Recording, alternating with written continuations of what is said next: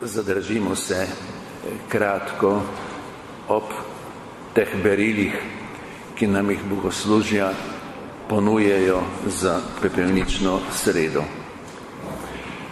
Da ugotovimo dve stvari.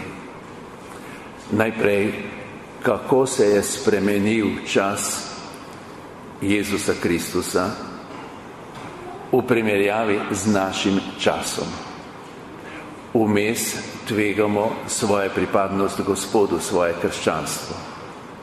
Namreč v Jezusovem času, ko so bili ljudje obdani s poganskimi narodi, da so obdržali svoje pripadnost Bogu, so zelo pozunanili svoje izražanje vere v nevidnega Boga tako zelo, da so moški nosili, tako kakor nosimo po zimi pasove, so imeli tak pas in napis, en citat, en navedek svetega pisma iz Mojzesove knjige, katerekoli, predvsem kašno zapoved, da so manifestirali na vzven s tem, da pripadajo judovskemu pravovernemu narodu. Potem Jezus pripoveduje zoper kaj se bori. To se je šlo tako napeto, tako pozunanjeno, da so ostali samo pri formalnosti. Da so molili po vogalih v javnosti, da bi jih ljudje hvalili, lej, kako pobožna je, lej, kako pobožen je, kako ima rad Boga. In to je bilo časti uredno. To pripovedujem zaradi tega, ker zdaj pa 200 let traja v Evropi in zahodni civilizaciji nasproten proces. Začeli so s tem od francoske revolucije naprej. Se mi nimamo neč proti temu, da si ti kristjan, da hodiš v crkvu, ampak ne tega kazati. Ne, se si lahko doma, ampak ne nas motiti s temi zadevami. Lej, mi ne pripadamo crkvi, ne, ne nas s tem uznemirjati. Pri nas, v naši deželi, je bilo to zlasti po drugi svetovni vojni.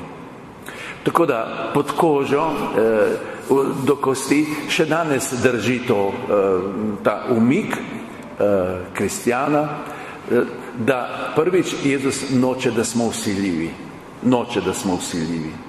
Ma hoče, da smo demokratični.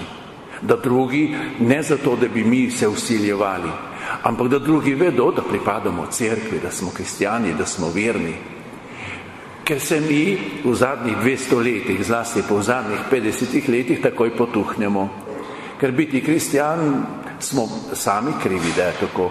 Biti kristijan ni častno, hoditi v cerku ni ne vem kako ugledno. Pomeni, to je potem še v medijih dodajo, to je za tiste, ki so naivni, to je za tiste, ki verjamejo v pravljice, to je tisti, ki niso kritični, ki niso izobraženi in gor in dol. In zlasti tisti, ki so pokvarjeni, ko v cerku hodijo in potem podelajo lumparije. Če jim pridejo ven z cerkve, so pa ta večji lumpi. To veliko krat slišite vi, to veliko krat slišim jaz. Jaz se dam takoj prvo vrsto, jaz sem prvi lump, lejte, Zdaj, za, druge, za druge pa lahko, kristjane pa lahko rečem, ti pripelji sto tistih, ki ne hodijo v cerku, jaz pripeljem sto tistih, ki pa hodijo v cerku, potem bomo pogledala, kdo naredi več dobrega, kdo naredi kaj več prostovoljnega, kdo se manj prepira in gor in dole. Ne. Grešniki, da smo na liniji eh, papeže Frančiška, grešniki smo pa vsi. Ampak on pravi, pokvarjeni ne smemo biti. Prav. Torej, ta razlika, ki je nismo eh, znali z njo upravljati v zadnjih 200 letih v Evropi, v evropskem kontekstu, v zadnjih 50 let pa eh, na našem slovenskem ozemlju, ta naš umik za vsako ceno, ta naš umik eh, tako v privatno, tako notranje, da se tisto nekjer več ne razpozna, da ni več nobenega razpoznavnega znamenja med biti kristjan in pa ne biti kristjan. To je ta zadeva, na katero nas poziva pepelnična sreda, zlasti Jezusova beseda, da ko jo poslušamo, da se vprašamo, kako pa je z menoj.